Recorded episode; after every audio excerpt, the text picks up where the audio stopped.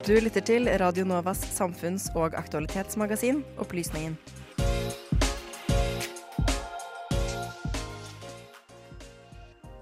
Om eh, ca. 15 minutter klokken 11 kommer Berit Reiss-Andersen ut den store brune døra på Nobelinstituttet, og vi får vite hvem som tildeles årets pris. Og med oss live fra Nobelinstituttet har vi vår reporter Sebastian Hagel. Og Sebastian, hvordan er stemningen der du er nå? Hallo, hallo.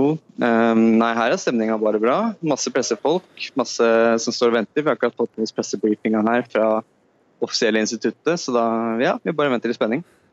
Fordi i et innslag eh, rett før nå så hørte vi om bl.a. Greta Thunberg, Abiy Ahmed og Hayr Sharif.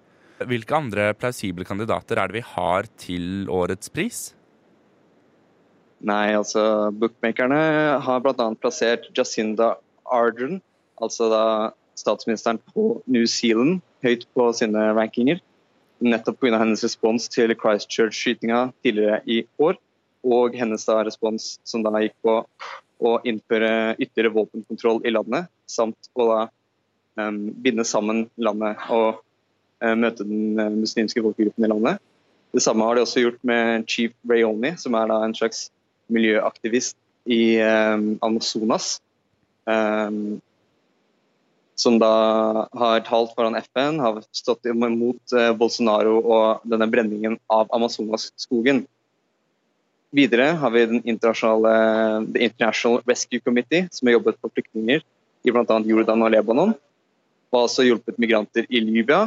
Det er en viktig kandidat. og det, Den pares opp med høykommissæren for flyktninger, som da har vunnet prisen to ganger tidligere. Så det er jo eh, i disse, disse, tider hvor flyktningkrisen er veldig viktig, kan dette være en eh, plausibel mottaker av prisen. Videre har vi Reporters Without Borders, som har blitt, eh, den er, denne er bl.a. på Prios liste. Hvor, um, um, hvor bl.a. de har jobbet for å frigjøre, frigjøre de journalistene som avslørte rohingya-massakren i Myanmar. Og en slags respons til Khashoggi-drapet i Tyrkia. Videre har vi bl.a. Kim Jong-un og Moon Jae-in, for deres eh, dialog på Koreahalvøya. Eh, dette er ikke en plassibel kandidat, men en kandidat som blir trukket fram nettopp fordi at de har måte, skapt fred mellom de to landene eh, til en viss grad. Men da må man igjen plausibelt trekke inn Donald Trump, noe som kanskje ikke er like relevant. Um, ja, skal vi gå videre? Ja, eller um, hvis, vi, hvis, vi, ser litt på uh, bookmakerne, da. Du nevnte, um, du nevnte, Arden, altså statsministeren i New Zealand. Er det noen andre kandidater de har ganske lave odds på? Den laveste oddsen er plassert på oddsfavoritten Greta Thunberg, som er under to i odds konsekvent. Um, ellers har vi Abiy Ahmed og Jacinda Arden og nettopp da Chief Rayoni. Dette er oddsfavorittene. Um, men du nevnte Kim Jong-un som et eksempel. Har vi noen flere kontroversielle kandidater til årets fredspris? Kontroversielt for Norge kan jo være om vi dersom prisen går til eh, Nathan Law fra Hongkong. Nettopp fordi vi har en historie med å, um, at fredsprisen kan provosere Kina til å forverre forholdet mellom Norge og Kina. Um, så en fredspris til Hongkong eller da Nathan Law hadde vært, uh, er kontroversielt. Um, Greta Thunberg i seg selv er en kontroversiell kandidat. Hun er, Prio har publisert at det, eh, denne kandidaten er jo ikke direkte for fred per definisjon. Um, selv om presidenten har blitt satt i 2007, da fredsprisen gikk til uh, Al Gore og Det internasjonale klimapanelet. Men allikevel er Greta Thunberg en kontroversiell kandidat i og med at hun ikke er en fredsskaper, slik som f.eks. Abiy Ahmed.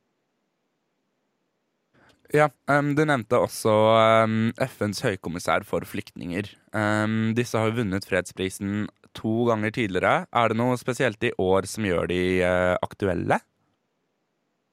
Det er jo det at vi er midt i en stor flyktningkrise som gjør at de er relevante. Men det at deres arbeid i bl.a. Jordan, uh, Lebanon og over hele denne regionen gjør dem aktuelle for en uh, fredspris hvert år. Ja, Du nevnte også Reporters Without Borders. Um, og da satte de i knytning med bl.a. Jamal Khashoggi. uh, og um, disse som avslørte altså folkemordet mot rohingyaene i, i uh, Myanmar. Er dette, er dette en favoritt? Er det sannsynlig at disse får prisen?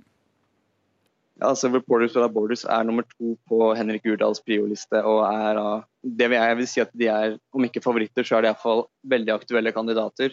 De uh, har jobbet altså NRK skrev en artikkel i dag om at um, dette kan bli journalistenes, uh, journalistenes um, fredspris. Og da, da, er det mest sannsynlig at den går til Reporters Without Borders for deres arbeid på pressefrihet, ytringsfrihet og og eh, frigjøringen av journalister som har blitt fengslet over hele verden. Men fjorårets fredspris den gikk jo til Dennis Mukwege og Nadia Mura, som overordna jobbet mot seksuelt vold. Og sett at 2018 var et av storårene for metoo-kampanjen, så kan jo det kanskje settes i kontekst. Hvilke kampanjer eller trender er det som kan spille inn i år? Men I den sammenheng kan vi jo se imot uh, klimakampanjen og skolestreiken for klima, og da igjen se til Greta Thunberg. og der, nei, Kanskje derfor også hun er oddsfavoritten. Um, så potensielt da kan vi se en miljøpris i 2019, nettopp fordi det har vært et slikt fokus på miljø. Um, og da kan vi bl.a. se en uh, felles pris mellom f.eks. Greta Thunberg og Chief Rayoni. Ellers har vi hatt en omfattende våpendebatt uh, bl.a. i De forente stater i Amerika. Um, som da kan, igjen kan eh, være tydelig på at f.eks. Jacinda Arden får prisen for hennes våpenkontroll i etterkant av Christchurch-skytinga. Tusen, tusen takk til deg, Sebastian Hagel, live fra Nobelinstituttet, der årets fredsprisvinner snart blir annonsert. Opplysningen hver fredag mellom klokken 10 og 11 på Radio Nova. Aldri redd, alltid balansert. Opplysningen